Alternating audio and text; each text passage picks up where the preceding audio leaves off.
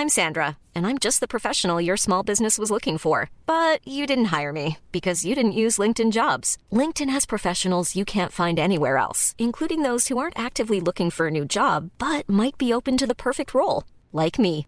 In a given month, over 70% of LinkedIn users don't visit other leading job sites. So if you're not looking on LinkedIn, you'll miss out on great candidates like Sandra. Start hiring professionals like a professional. Post your free job on linkedin.com/people today.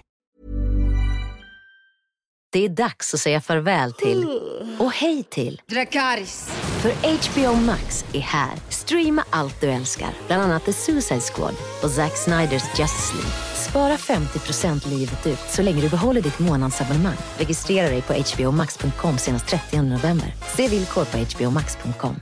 Hej! där. Hallå där! Cecilia Blankens, Johanna Svanberg, läget är utmärkt. Peppe Öhman. Jag måste säga ditt namn, annars skulle det bli konstigt. Rätt ska vara rätt.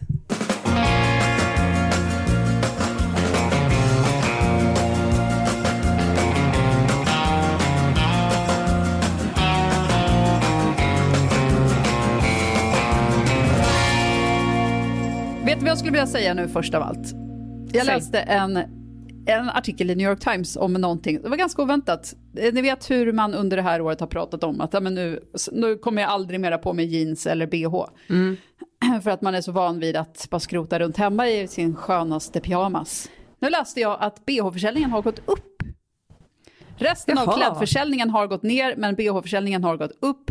Men däremot så är det för att det är en, helt, eller det är en ny sorts bh som säljer. Och det är ju de här sköna, mer, eh, du vet, utan, utan sådana här wires, vad heter det?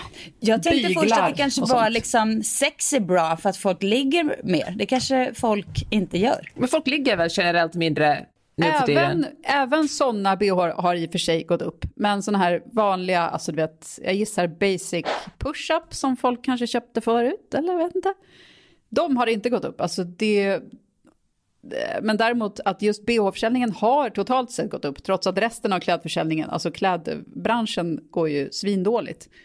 Eftersom ingen behöver några nya snygga kläder att visa upp sig i. Men Peppe, vad, sa du, vad sa du om, vad hade du för input på sex eh, på liggeriet? Ja, sexet har gått ner. Det är otrendigt att ligga. Vänta lite nu, Och alltså du menar sen när? Ja, The Atlantic skrev om det här för ungefär, det handlar visserligen om, den, eh, om unga människor, att unga människor ligger mindre. De skrev om det för ungefär ett år sedan. Unga människor har enormt mycket mindre sex än var, och senare sexdebut än vad vår generation hade.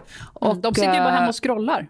Ja, Sa, sa Johanna, 47, att ungdomen... Det må du tro. Sen gick hon snabbt in och bokade en paddelmatch medan hon pratade.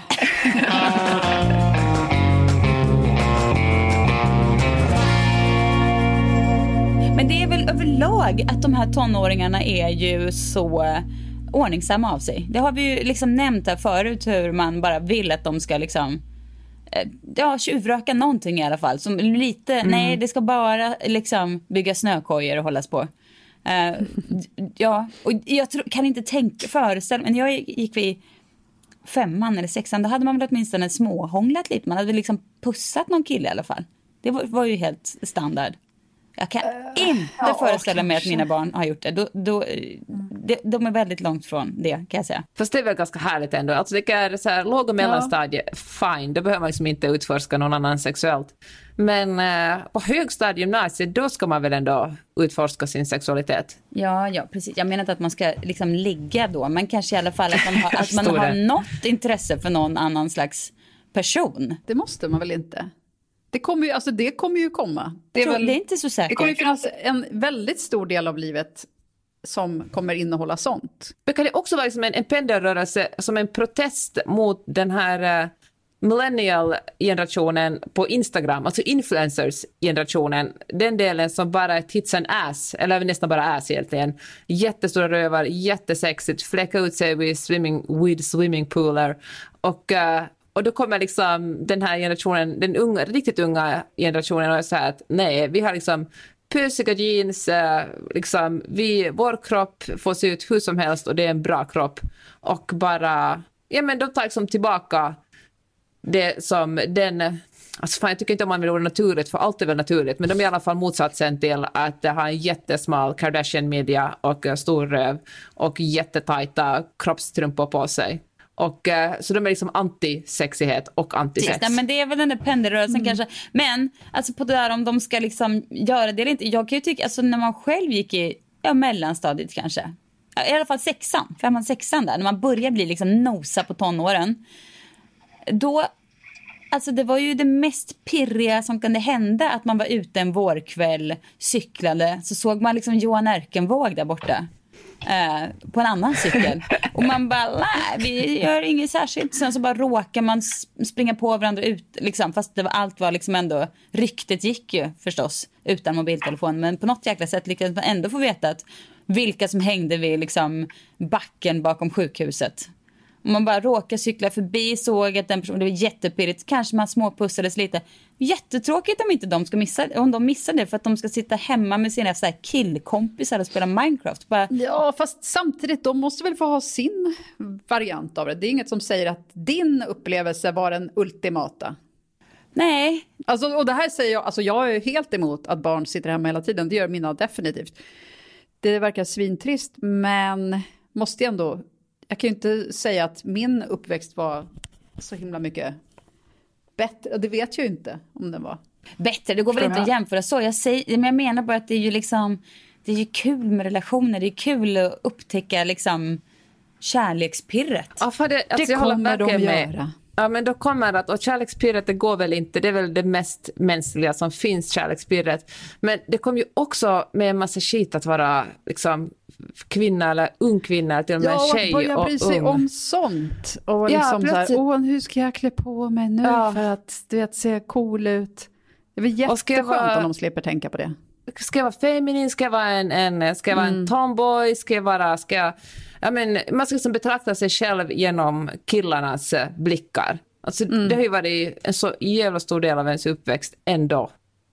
Hur förhåller sig killarna? Hur ser de på ja. mig? Ju senare ens barn kommer in i det, det är ju desto bättre skulle jag säga. Ja, alltså både jag, alltså men det är väl också en del av att kunna att parera liksom. Jag vet inte. Men det kanske var för egen del. Alltså det är klart att man tänkte på det. Men jag tror kanske inte på ett jätteannorlunda sätt än vad killarna tänkte på det. Alltså jag, jag tror inte att jag kände mig så här pressad att vara eller se ut på ett visst sätt. Men jag var också ganska urballad, punkig tonåring jag var inte liksom eh, på det viset särskilt så här, eh, ängslig. Även om man såklart gjorde, hittade på sina tricks för att få liksom, Jimmy Wallenstein att se en. Eh, men jag, nu när jag säger det så minns jag också att Rickard Aronsson, som jag egentligen inte var kär i, men han var två år äldre så han måste ju gått sexan då och jag är fyran. Eh, honom ville jag bli ihop med för jag tyckte han, han var kort och det tyckte jag var väldigt gulligt det var någon, absolut någon freudiansk grej eftersom min pappa är väldigt kort. Jag hade liksom en, en thing väldigt, väldigt länge för korta killar. Usch vad sorgligt, men så var det i alla fall. Jag, var, jag tyckte att han kändes spännande, Rickard Aronsson. Då hade jag på mig en ganska så här vid liten kort kjol på mig. Så här, som stod mm. ut när man snörde, inte på ett barnsätt utan lite mer på så rockabilly-sätt. Uh, och då var han så här, ja det kan vi göra, men då får du jubla tio gånger med den där kjolen. Uh, för han ska flukta, flukta när kjolen åkte ner då förstås. Mm. Men det tyckte jag kändes mm. jättespännande så det gjorde jag gladeligen. en sån jag, liten slinka. Men apropå det här med korta killar så lyssnade jag på min andra favoritpodd, Flashback Forever. Och de, alltså, vet ni vad det är för något? Har ni lyssnat på den någon gång? Jag har aldrig lyssnat men alla säger att den är jätte, jättebra. Mm. Ja men det handlar ju också om trådar på Flashback, alltså olika ämnen som diskuteras och så citerar de folk. Och det här var då apropå någon tråd på någon kille som var 1,52 som aldrig hade haft en tjej eller någonting. Och så handlar det om att vara ihop med en lång kille och att... Eh, och då tänkte jag på det här med att hur vanligt det är för tjejer att kunna säga att Nej, men jag skulle aldrig vara ihop med en kille som var kortare. Och, och sådär. Och jag menar, jag själv har aldrig varit ihop med en, en kort kille. Men om en kille skulle säga så om en tjej, hur fruktansvärt man skulle tycka att det lät. Ja, ni... verkligen. Ja, och det sker ju hela tiden. Men det är... Och då tänkte jag så här, det är ju ett tecken på, alltså då kan man tycka så här, ja det är kul att vi kan säga så, men det är bara ett tecken på att vi är i underläge. Alltså att man från du vet, underdogs, då får man säga sånt, typ. Ja. Sorgligt. Min kompis Simon var, är kort, är det, Mm. av sig. Var ihop med en längre tjej, beskrev hur, när de var typ ute gick på stan och höll varandra i handen, träffade ett annat par där killen också var kortare. Hur det liksom på ett väldigt naturligt sätt blev en mors då killarna emellan. Att de liksom tja. Ungefär som liksom husvagn, husvagns, eh, ja, husvagnskörförare la- eller liksom husbilsförare gör ute på vägarna. Jag bara tja, tja, tja. En sån. som short guys unite. Det är dags att säga farväl till och hej till Dracaris. För HBO Max är här. Streama allt du älskar, bland annat The Suicide Squad och Zack Sniders Justice League. Spara 50% livet ut så länge du behåller ditt månadsabonnemang. Registrera dig på hbomax.com senast 30 november. Se villkor på hbomax.com. Till alla professionella hantverkare. Vore det inte skönt med ett batteri som funkar till alla verktyg? Med Bosch By Turbo kör du på samma batteriplattform sedan 2008. Så nästa gång du köper en blå Bosch, kolla efter By Turbo från Bosch Power Tools hos din återförsäljare. Bosch Power Tools. Hörni, eh, jag har eh, tänkt mycket på kvinnohat. Och eftersom jag är den som alltid kommer med de tråkiga och liksom världen kommer att gå under och skapa dålig stämningar på den, jag ta upp det nu. Jag tänkt jättemycket på Sarah Everard, visst utan man hennes efternamn så, som blev mördad här om veckan i eh, Storbritannien. Och eh, hon, var, hon var på väg hem, blev kidnappad och mördad av en man. Och det här är ju såklart inget... Det var absolut ingenting unikt med det här. Men eh, det fick mig att tänka på hur jävla sinnessjukt det är att det är en så normal grej. Nu kommer folk att reagera, det kommer att skrivas krönikor, det kommer att polisen kommer att säga så här, ja, ja, vi tar tag i det här, det är ett jättestort problem. Amnesty kommer att gå ut med lite statistik om hur många kvinnor som blir mördade av män de känner och män de inte känner. Och sen fortsätter världen helt som förut. Och eh, det som jag stör mig på är att eh, det här är ett problem som män verkligen inte tar på allvar. Utan de flesta män tänker så här, ja men jag har ju aldrig mördat en kvinna så att jag, det här angår faktiskt inte mig. Och män fan riskerar aldrig någonting för, att, för kvinnors skull. Men det, alltså, ja, det här är så verkligen en käpphäst för mig, men det stör mig så otroligt mycket. En man liksom talar för kvinnors sak om han känner att han kan få beröm för det eller folk kan säga att gud vilken fin man han är. Han fick döttrar och insåg att kvinnor också är riktiga människor och nu skriver han den här fina krönikan. Men, liksom, men det kommer till kritan att säga emot en annan man eller riskera liksom ett, ett jobb eller en, en, liksom en, en sponsor och någonting, fan då är de knäpptysta. Verkligen. Men det är som det här, tycker jag också, som man känner med AstraZeneca-viruset, eller på att säga, AstraZeneca. Vaccinet. Ja, vaccin. Där det var alltså, vad var det, 17 miljoner doser, 30, något 30-tal fall av blodproppar. Och så jämför man det med p-piller, Ja. som har sex fall per 10 000 eh, Men precis. personer. Och man bara, men det är mycket, mycket värre. Men det är bara, det skrivs ut dagligen. Folk Exakt. år ut och år in så ska det ätas. Inga problem, ingen som bromsar det. Jag vill komma med liksom lite självrannsakan på ämnet. Därför att jag kan ju på ett sätt, um, alltså förstå är väl kanske fel ord, men ändå relatera för jag engagerar, alltså i frågor gällande rasism till exempel. Så det är inte så att jag inte, inte engagerar mig, men jag är ju inte heller den som står längst fram på barrikaderna därför att det är liksom inte jag som är främst drabbad. Och det blir svårt på något sätt, eller komplicerat att föra liksom någon slags talan och röst. Alltså utan att... vet, Det är svårt att liksom hitta orden på något sätt och det är svårt att liksom ta den rollen. Man vet inte när det är läge och när är det nu, är det nu jag ska göra det? Är det eller är det liksom nästa gång? Eller det, på något sätt så skulle det väl gjorts för länge sedan men det, det blir liksom lite knepigt och, och då menar jag förstås inte att jag, att jag inte ehm, gärna gör det. Men det blir ju mer komplicerat när man inte är den som är främst drabbad. Och så kan jag tänka mig att man som vanlig liksom bussig man kanske också känner att det blir eh, lite, vad fan börjar, liksom hur, hur formulerar ja, fast det är ju ändå ganska här? lätt att till exempel nu med sociala medier dela, alltså det finns ju saker man kan göra som inte handlar om att, som bara visar att man tar ställning. Och det är väl det som killarna är sämre på att göra. De enda jag ser som engagerar sig på något sätt är ju alltid tjejer. Men sen finns det ju också den sorten som liksom slentrianmässigt engagerar sig i varenda, varenda uh, fråga. Ja, men hellre det. Mycket hellre det. Då är det åtminstone att lyfta någonting. Alltså även om man sen inte brinner för allting och, och gör jättemycket, men det är ändå, jag vet inte, någonting gör man ju. Jag vet inte, jag kan tycka att det blir lite så här urvattnat på något sätt, det också på något sätt, att det blir lite så här, jag vet inte, liksom på, på yt, yt, på ytan så.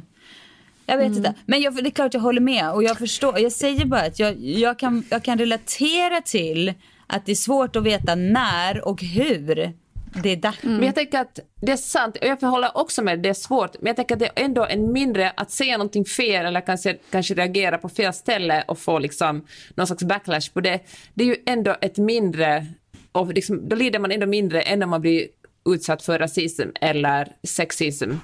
Alltså jag tänker att man får, alltså som privilegierad måste man ju ändå på något sätt våga riskera det. Det är fan ens plikt att man får ta att någon skriver någonting bäst, bäst i ens liksom, Instagram-kommentarer.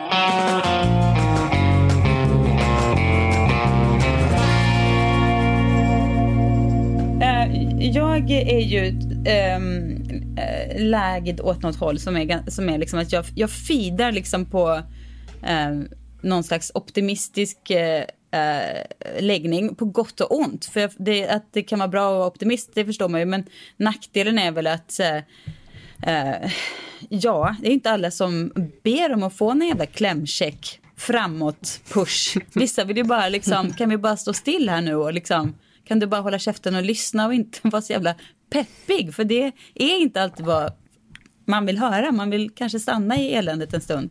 Eh, andra. Jag gillar inte det. Eller jag vet inte. Det är något Ah, hela tiden jagar mig framåt. I alla fall så läste jag eh, idag att eh, enligt en undersökning från Världsnaturfonden så eh, oroar sig sex av tio för klimatet i Sverige.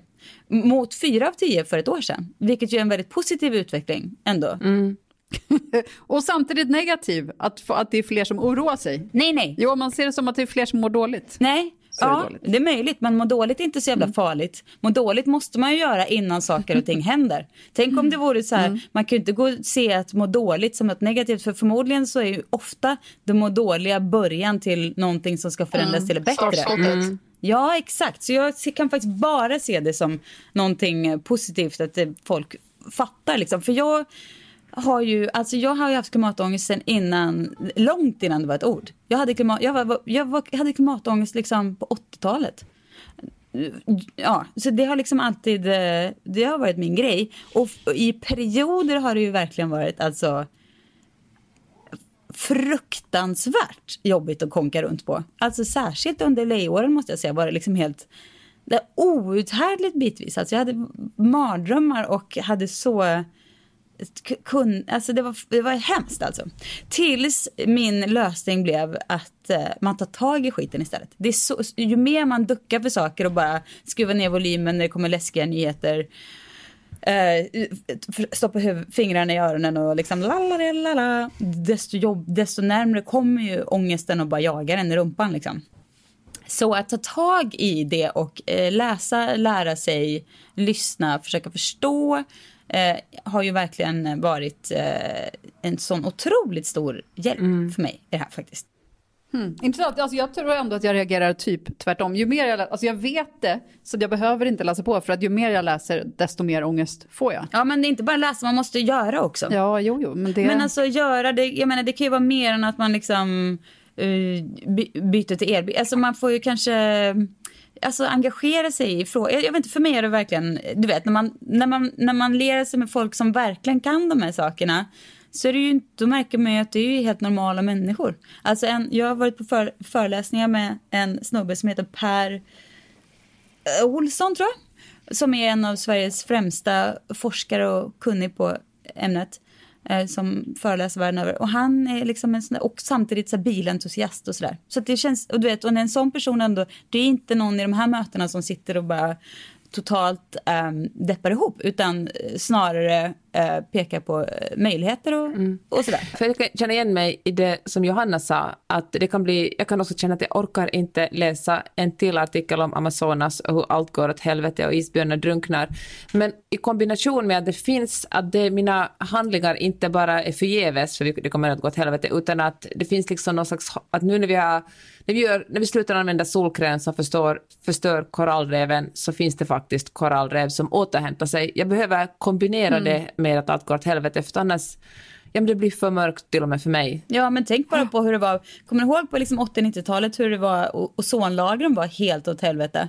Och att ja. det, vi, lag, vi ordnade det. Liksom. Det, det finns ju, mm. det är inte ett av de liksom, stora problemen i den här donuten som är hållbarhetsmodellen som beskriver liksom, problemområden inom hållbarhet så är ozonlagret inte ett vidare, ett av de större bekymren längre. Så och, det är så, och jag menar också att bin har börjat komma tillbaka i större mängd när vi har förstått vidden av att man kan inte bara ha gräsmattor överallt och sådär. Så det, det finns ju liksom, vi kan mm. ju påverka förstås med sådana förändringar. Och i det här, de här hållbarhetssamtal eh, eh, då som pågår överallt och som jag tycker om och spännande att lyssna på och så. Så snackas väldigt mycket nu om 15 minute cities. Har ni hört talas om det? Nej. Då ska jag säga er vad det är. Nej men det är alltså en så vision som egentligen inte är något nytt utan det har liksom funnits sedan början på 1900-talet men sen har det väl försvunnit iväg eh, för att vi blev så himla förtjusta i stora shopping malls och så. Men där man, bor, där man bygger samhällen där allt ska finnas liksom inom 15 minuters fossilfri eh, transport. Mm. Allt ifrån eh, sjukvård till eh, grönområden till eh, små butiker till sådär. Så att det ska man kunna... Och det låter precis som mina kvarter. Ja, det låter ja. ja. Jo, men precis. Man kanske, men kanske ännu mer så då, att det ska kunna, att man ska kunna, så är det väl till stor del, men man, man, jag tror att de har nog på att satsa mycket på det i Paris till exempel när det ska um, just på det där 15 minute uh, series. Och jag tycker det, det låter som en uh, dröm faktiskt för... Mm, verkligen. Jag kan känna att gud vad jag skulle vilja leva i den, i den lilla bubblan. Men sen, jag ville bara liksom lyfta hur jag in, har kommit ur en så otroligt negativ och ångestladdad klimat till att försöka foka på sånt som ger mig så energi och nästan lite så framtidspirr istället. Och sen en annan del som jag också har läst ganska mycket om på sista tiden är ett eh, projekt som heter Here, Hereware som är något EU-projekt. Där man, för att det är så otroligt, klädindustrin är ju en så vansinnigt stor miljöförstörare, mm. inte minst för att det är så, mm. det är näst störst tror jag, eh, av mikroplaster. Och det är att vi använder så mycket polyester som sen åker ut i små, små, små, små, små, små bitar när vi tvättar och spolas ut i haven och lägger sig mm. som stora sjok av plaster. Eh, och bomull är inte heller ett bra alternativ för det tar så mycket vatten och, och används enorma mängder kemikalier för att, för att driva upp bomullsplantor. Men det här, Hereware, de, det är liksom ett projekt då som där man inom Europa i det här, i det här 15 minute cities andan ska liksom skapa produktionscentraler av, av, eh, för att kunna producera eh, kläder och skor och sådär inom Europa. Inte skicka bort det till låglöne eh, länder mm. där det är lite si och så med kontrollen.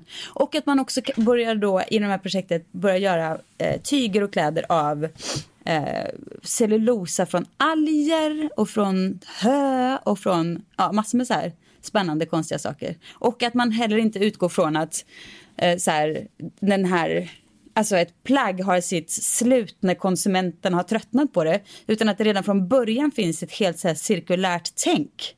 Alltså mm. att man säger, nu gör vi det här plagget och sen går det dit och sen går det dit och sen går det dit och sen använder den det. Och sen om liksom tio år när sju olika personer har ägt plagget och det har gått helt sönder, då eh, mal vi ner det och eldar våra, ja, sådär. Så eh, det är, det är en otroligt så här mysig bild av framtiden som jag, som jag kan längta efter nästan. Alltså jag intervjuade en plastforskare för några år sedan och hon talade om precis det du sa. Hon sa att ofta när man talar om att vi måste minska plasten, då tänker folk att man ska gå på stränderna och plocka upp alltså, tomma plastvattenflaskor.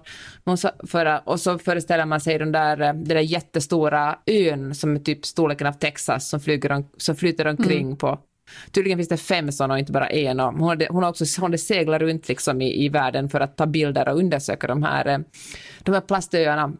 Hon sa att det egentligen, att samla upp den här plasten egentligen inte är det stora problemet. Men problemet är att, att även om vi samlar upp den så kommer det att fyllas på igen. Att det allra, allra viktigaste är just det du talar om Sissan, att stänga av kranen. Att vi producerar så otroligt mycket plast. Vi kan plocka plast och tro att vi återvinner plast i all oändlighet. Men så länge vi fortsätter producera plast och den tydligen går plastproduktionen upp hela tiden och så länge vi gör det så finns det liksom ingen, ja men då är nästan ingen poäng med att plocka upp de här plastflaskorna eftersom det bara Mm. flyter ut Men det med. som jag tycker också ger som panik på de där plastöarna är ju att man tänker, om man tänker plastöar först så tänker man, åh, det, men det är bara en massa petflaskor och kanske några hinkar ja. och sådär. Men att det egentligen är då de här mikroplasterna. Att det är så mycket Precis. som är litet. Det är inte så att man kan åka dit och Ex plocka med händerna, nej. plocka upp, utan att det är så små, finfördelat. Så det är det Precis. som jag tycker ger som panik med dem.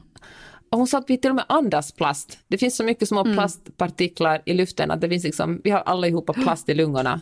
Mm. De har även hittat ja. i foster, alltså när man föds så, man, så innehåller man redan plast för att det kommer in via mamman. Sådana här mikroplaster. Men då tänker jag att det är så här, när man hör om så här, åh, det blir mer och mer plast, då tänker jag så här att uh, ja, det tror ni ja. Det är dags att säga farväl till och hej till Dracarys. För HBO Max är här. Streama allt du älskar, bland annat The Suicide Squad och Zack Sniders Justice League. Spara 50% livet ut så länge du behåller ditt månadsabonnemang. Registrera dig på hbomax.com senast 30 november. Se villkor på hbomax.com. Hallå där! Ursäkta att jag stör, men här kommer en dunderdeal från Burger King. För 99 kronor får du två Chicken Royal Meals eller två Whopper Meals eller en av vardera. Remix! Sväng förbi Burger Kings drive-thru och plocka med dig maten hem. Hörni, läste ni Hanna Hellqvist essä om att leva i smuts i helgens Dagens Nyheter? Jag gjorde det. Den var jättebra. Visst var den så bra? Jag mm. älskar att hon verkligen tar ut svängarna. Alltså, Hanna Hellquist har verkligen förmåga att, att men skriva saker som man talar om länge. Den handlar om hur uh, hon allmänt skrev att hon tror att, att pandemin har gjort att folk blir lite smutsigare och att folk som har en tendens att inte alls bry sig om om man har rent eller skitit hemma, de, uh, alltså under pandemin har man verkligen haft möjlighet att leva ut sina smutsigaste och då menar jag inte sexuellt smutsigaste, utan helt enkelt skitigaste liv. Och hon har under pandemin, eftersom hon har, jag tror att det är för att hon har diabetes va, så har hon inte bott i Stockholm utan hon har flyttat till sitt eh, landställe i Värmland och har jobbat från Karlstad istället för att jobba från Stockholm. Och hur det har liksom öppnat upp för skiten i hennes liv. Och hönorna flyttade in under vintern och sådär. Ja, bajsade in också, beskrev hon. Mm. Ganska bildligt ja, om hur det kunde gå perioder mellan tvätt och det var hönsbajs på golv och så vidare och så vidare. Men äh, extra kul tyckte jag hon skrev att hon inte ens lyfter upp gamla trosor och vänder på dem utan hon kör liksom men hon samma trosor det här med utan att vända dem ut in. Nej men hon beskrev också det här så här. Ja det här med att vända på trosorna några gånger det gör, det, det gör vi ju, det gör ju folk. Det gör man ju. Och de var som Oprah. What? Nej, ja. Nej men det gör faktiskt inte jag. Alltså jag är väl väldigt renlig då för jag vänder inte på trosorna. Det tror jag inte man gör. Nej. Okej, min spaning är det här. Alltså, Hanna Hellquist tog ut svängarna. Jag tror hon skulle det med trosorna också lite för effektens skull, för att vi ska sitta och prata om den i den här podden. Men jag tror att eh, det som den här scenen symboliserar ett större perspektiv, eller min spaning är denna, att eh, det är ett svar på det vitala det som vi också talar om, det här perfekta, liksom väldigt rena vita hemmen på liksom Instagram där allt ska vara på sin plats och allt är så himla stylat. Och jag tänker att det mm. går liksom hand i hand med uh, att stories är faktiskt intressantare än själva inläggen på Instagram och att uh, Clubhouse där folk pratar och liksom säger ungefär exakt vad de tänker på just nu och det inte spelas in är på något sätt också en alltså motreaktion till den, den redigerade podcasten som är producerad och redigerad. Och det här smutsen, liksom, att, att Hanna Hellquist skriver om smuts just nu är helt en normal reaktion på att allt har varit så otroligt eh, rent och stylat. Oh, ja, jo, verkligen. Jag kände bara häromdagen att jag ville avfölja alla som jag följer som har du vet, vackra hem som de lägger upp bilder på. Sissan, du är inte inräknad. Nej, tack. Jag kan fortfarande följa dig. Jag, jag bryr mig inte. Alltså, vissa, alltså, det här är också extremt humörsbunden till sånt här. Att vissa dagar står jag inte ut. Andra dagar vill jag också lägga upp bilder på en blomvas i solljus. Ja, men jag kan 100% eh, bara fastställa som uh, inofficiell uh, trendspanare i den här gruppen att det, finns väl absolut ingenting som är otrendare än perfekt liksom, när det inte finns skäl, när det är liksom på mm. ytan bara. Utan man, man, man behöver ju djup, man längtar efter liksom det riktiga, det där grottiga. Men med allt detta sagt, att man liksom på ett sätt verkligen uppskattar poängen att vi är så redo för liksom det som det skitiga, härliga under perfekta, eller bort med perfekta ytan. Vi går rakt på det skitiga, härliga. Som på något sätt den här, om vi då vill tro att den här Hanna Hellquists text kan symbolisera, så är så otroligt... Eh, eh, eh jag, jag, är ju absolut inte så här eh, eh lättkräklig. Alltså. Jag, kan typ, om no, jag kan slicka på handtaget på en, på en allmän toalett utan konstigheter. Jag skulle kunna göra det utan att tycka att det var särskilt besvärligt. Eller så. Men däremot man känner andra människors dofter. Alltså när, so när personer mm. doftar så här för... Hårbotten. Hårbotten, lite... Um, ja, lite så här eh, mustigt kön som sipprar igenom jeanstyget liksom. Det händer i alla fall inte ofta måste jag säga. Det känner man väl jätteofta typ på tunnelbanan och så. Att det är så här, ni vet ett kön som bara, här har det inte tvättats. Det, det är liksom en otroligt speciell Men, must. Ja, för några år sedan var vi en sommar i Helsingfors, hade ingenstans att bo och då fick en kompis kompis och sådär men hör du, min kompis kommer, eller en kompis sa, min kompis kommer inte att vara hemma hos sig på hela sommaren det är bara bra om någon vattnar tomatplantorna där, annars dör de. Vill ni bo där en vecka? Och jag bara, ja men såklart. Så fick jag höra att den här lägenheten dessutom inte bara var en tom lägenhet utan också ett riktigt, liksom, en takvåning. Jättestor. Och jag kommer ihåg hur jag liksom kände mig ganska så självgod inför Magnus. Det var sådär att älskling, vi kommer inte att bo på hotell, vi kommer att låna en superlyxig lägenhet mitt i stan. Mm. Mm. Och uh, så kommer vi dit, öppnar dörren, det är stort, det är luftigt. Men, och det är också ganska smutsigt, inser vi när vi kommer in. Alltså, dammråttor, fine, de har inte varit hemma på några veckor. Så chillade små silverfiskar över golvet. Okej, okay. vanligtvis har man ju dem i badrummet om man har såna, men vem, det kan man ta. Så kommer det, möts av en lukt och det visar sig att det är ett eh, akvarium som har läckt, så det ligger eh, både döda och levande fiskar. Det finns liksom typ så en femtedel vatten kvar, så det plaskar Nej. omkring några stackars fiskar. Så vi börjar med att rädda dem och är ganska fokuserade på det här akvariet innan vi börjar liksom se oss omkring. Och det är alltså, det är så obeskrivligt smutsigt där. Alltså, förutom... Visste de att de skulle låna ut lägenheten? Nej, Nej, det visste de inte, men de måste ju räkna med att de är borta hela sommaren och så kommer tillbaka mm. till det här. Och det på något sätt imponerar sig också den här obryddheten, liksom, att man bara, det här är som en barnfamilj, man bara får brådis och, och drar. Men det är verkligen eh, liksom, kylskåpet fullt med mat som liksom mötte en när man öppnar dörren. alltså det var så att de verkligen, ja men liksom, köttet vinkar åt en för att det är återuppstått i en, ett annat format. Och mm. eh, toaletterna, alltså, det var verkligen, eh, jag menar det var en, en allmän toalett liksom på, jag menar, det var, ingen, den hade inte, ingen hade städat de toaletterna de senaste åren liksom. Och eh, så kommer vi in i sovrummet där vi ska sova och eh, jag blir nästan klibbigt på golvet, det är så smutsigt där. Massa halvurdruckna glas och liksom. Alltså det här har du berättat och, eh, förut, jag vet vad som fanns på det där. Jag vet vad som fanns på det nattduksbordet. På nattduksbordet ligger det en eh, en buttplug. och, och, eh, det är sällan man uh, bor uh, bredvid någon annans buttplug. Åh oh, herregud, vad gjorde du med den? Alltså jag, jag drog medan ja. Magnus då fick uh, vippa ner den i nattdukslådan som han smällde igen. Och uh, ja, men så sanerade han en liten boyta. Alltså det fanns ju ingen chans att kunna städa hela hemma så vi sanerade en liten, en liten yta och där vi sov några nätter. Men det var liksom inte riktigt avslappnat. Det kändes liksom som om vad som helst kunde hända där. Ja. Alltså nu kommer jag med en äckel historia till då. Jag som gillar att dra historier om gamla släktingar. Vi kanske ska ha det som ett litet segment. Cecilia snackar jättegamla släktingar. I förra avsnittet berättade jag mycket om min mormor. Nu kommer jag berätta om en tant som bodde i Larv där min pappa växte upp. Det fanns liksom en så här eh, byn, byakufen, bodde i något litet torp. Hon var kanske inte fullt som hon skulle där uppe i huvudet alltså. Utan det, men hon, så hon var lite så här byns ansvar, tog väl ansvar för den här eh, lilla tanten då. Bodde i något hus eh, men kunde liksom inte hantera det här ett eget hem. Hon var väl liksom retarderad på något vis. Jag vet inte. Eh, så, men någon gång varje år så gick väl, var tanterna i liksom, då min, min farmor då inkluderat var någon slags överenskommelse att de fick gå hem till henne och liksom um, hon, fi, hon skulle bjuda på fika och det tyckte alla var så här vansinnigt för att när man gick till det huset var det liksom hon kunde inte, du vet det fanns väl inga avlopp eller så. Det, det var liksom en, en, total misär av snusk. Och hon var helt sotig och svart och liksom.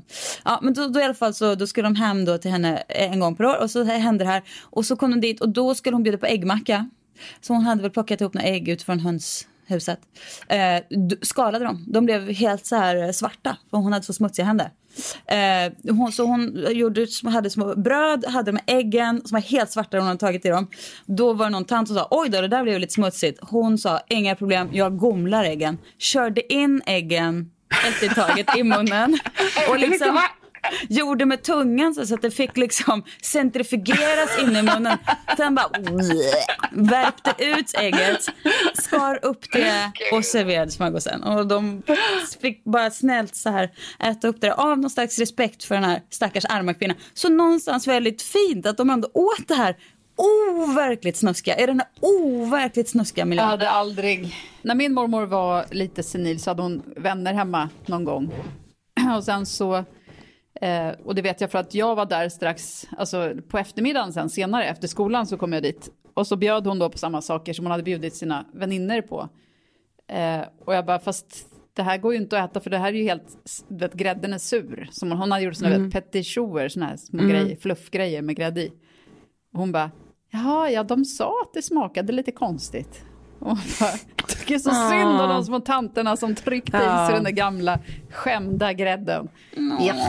Men det är väl ändå liksom nästan den finaste formen av kärlek när man så här tar ett jävla skott mot huvudet, bild, eller liksom inte, men en sånt där jävla straff för att liksom inte såra någons mm. så här, mm. känslor kring att man ändå ja. försökt. Så. Lustigt ändå, ändå det, eh, apropå Peppes historia där, så jag tänker på när vi ett, eh, några år hade ett hus på Gotland, så drog vi därifrån på sommaren med liksom tanken att ja, men vi kommer snart komma tillbaka, så vi behöver inte plocka undan så himla mycket. Men sen så gick veckorna och eh, och vi kom inte tillbaka. Och sen hade en kompis, då sen skulle vi sälja det huset, så den kompis som skulle dit och kolla på huset för att Nej, ni hade också lämnat den. Det. Ni hade också lämnat buttpluggen. ja, precis. Innan vi slutar vill jag komma med ett otroligt, eh, och nu vill jag att era förväntningar ska vara jätte, jättehöga när ni ser den här filmen. En, en dokumentär som heter Kid 90. Har ni sett den eller hört talas om den? Aldrig hört talas om, vad är det för något? Det är en en skådespelare som jag faktiskt inte ens kommer ihåg vad hon heter, det var ju dålig research av mig, men hon var en barnskådis i Hollywood och uh, och försökte hon, och efter att liksom hon, efter den här serien lades ner, att hon slutade den här serien, så fortsatte hon liksom bara umgås med ett Hollywood-gäng. Och hon hade med sig sina kompisar som var lika gamla som hon på den tiden. Och de, hade, de var alla skådespelare. Det var liksom Leo DiCaprio svingar förbi där och uh, hela gänget från Beverly Hills 90210, eller inte hela men några därifrån. Och uh, Johnny Depp och, och hon uh, hade med sig sin, hon hade med sin filmkamera hela tiden så hon gjorde det som folk gör nu för tiden, alltså filma allt hon gjorde och alla hon hängde med. Och uh, den är, ja, men det är så fint att se om man själv var tonåring på 90-talet och, och trots att jag verkligen inte Ja, växte det är upp Soleil i... Moon Frye. Ja, okej. Jag fattar. Ja, Jag googlade snabbt. Jag, vet- jag blev så berörd av den här. Så in, kommer ni ihåg en film som heter Kids som kom ut typ 95-96 som handlar om skaterkillar? Ja. Ja, hon hänger med det gänget också. Jag kunde verkligen relatera till de skatekillarna man själv var kär i och hängde med liksom på den tiden med så långt hår. Alla ser ut som någon slags version av Kurt Cobain liksom. Och eh, hur man, men hur man festar och, och trots att det, mitt liv verkligen, min tonårstid var verkligen inte LA på 90-talet utan det var snarare Helsingfors och var mycket mer grådaskigt. Så visst det så många beröringspunkter hur man tänkte, hur man, hon skrev i dagbok också och hur man liksom tänkte på killar och sig själv och hon, den här, hon dejtar också Charlie Sheen till exempel, en, en äldre man. Och eh, jag vet inte, det var verkligen, alltså vilken, den var, och jag började titta på den utan att ha någon aning om vad den handlade om, men det var, ja, det gjorde mig på så gott humör. Det var roligt. Jag såg faktiskt någonting om den här om dagen, och, eh, men fattade inte riktigt vad det var. Så kul, det där ska jag se på direkt. Jag, jag kommer också komma med ett serietips. Vad sa ni nu då? Jag läste eh, att eh, The Guardian, i The Guardian skrev de att eh, Disney Plus, alltså Disneys egen Netflix, så att säga, streamingtjänst, kommer växa om och vara liksom större än eh, Netflix om fem år. Eh, Jag antar att de har så mycket rättigheter till filmer till höger och vänster att de liksom bara kan eh, göra så. Eh, och de har då en serie som heter, alltså, ja okej, High Fidelity, men det är ju en ny version av High Fidelity med Zoe Kravitz. Och den har jag kikat på och den tycker jag är så otroligt, alltså den är väldigt så här banal och hon är så otroligt typisk så här amerikansk tjej. Påminner så mycket om min dotter Bonnie på så många sätt. Eh, och den är så gullig att kolla på. Man älskar ju Zoe Kravitz och den är i New York, i Brooklyn och den är härlig bara. Jag lyssnar på, The Guardian har ju väldigt många podcaster också och uh, igår lyssnade jag på en, en podcast som handlar just om, uh, uh, fan nu kommer igen, men alltså kvinnor som blir mördade. Och uh, jag började lyssna på den och ni vet hur man lyssnar på Ja, verkligen. Men när man börjar lyssna på amerikanska podcaster, då är, de så här, varning, varning, den här eh, podcasten kan innehålla ord som eh, svordomar. Och om ni vill lyssna på den censurerade versionen så får ni gå in på vår webbsite. Och då kan den här svordomen vara att någon säger shit en gång på en timme. Och så lyssnade jag på den här Guardian-podcasten och då sa de också det. De sa att varning, det finns eventuellt beskrivningar här som kan vara stötande. Och då tänkte jag, ja, ja, hur farligt kan det vara? Men alltså, jag måste ju stänga av. Alltså, de, det handlar verkligen om mord på kvinnor. Alltså med en man som hade mördat sin flickvän och verkligen detaljerat. Hon hade skurit upp halsen på henne, stuckit ut hennes ögon och liksom... Alltså, herregud hur... eh, Ja, så då vill jag bara utföra en varning att eh, när The Guardian säger att det kan... min varning är att man ska ta The Guardians podcastvarning på allvar. Perfekt. Då har vi alltså ett filmtips, ett eh, poddtips, eller ett icke-poddtips och en serietips. Det var allt skåpet innehöll den här veckan. Ja, man får gärna tipsa så här, har hört en ny podd som så här, tipsar era kompisar, skåpet är en kul podd. Och man kan också få eh, så här, eh, vad gör man? Man typ eh, ger en så här tummen upp. Nej, vad gör man på iTunes? Nej, alltså man gör en... Man ger sätter- recension och ger oss eh, stjärnor. stjärnor. Ja, precis. Det alltså, no pressure, men det är alltid trevligt. Eller det är bra. Det är kul för oss, för då, då det är bra för oss helt enkelt. Så det får man göra. Ja. Ja, Det är så mysigt. Tack för det. ja så mysigt. Och man kan även eh, följa oss på Insta såklart, där man kan skriva små kommentarer etc. Hitta oss bara. Ha det fint så länge. Hej då! Hej då!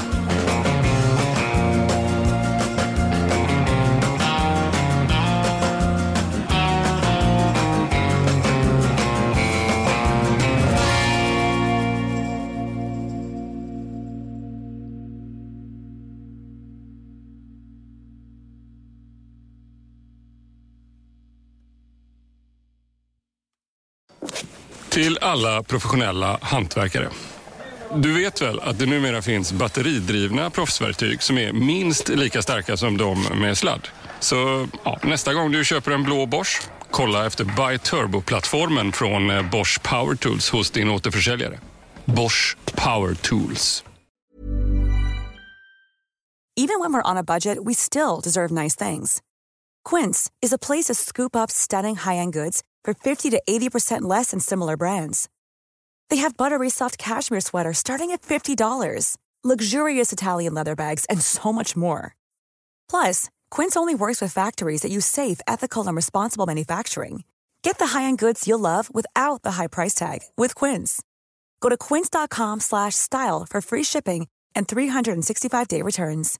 Imagine the softest sheets you've ever felt. Now imagine them getting even softer over time. That's what you'll feel with Bowl and Branch's organic cotton sheets. In a recent customer survey, 96% replied that Bowl and Branch sheets get softer with every wash. Start getting your best night's sleep in these sheets that get softer and softer for years to come. Try their sheets with a 30-night guarantee. Plus, get 15% off your first order at bowlandbranch.com. Code BUTTERY. Exclusions apply. See site for details.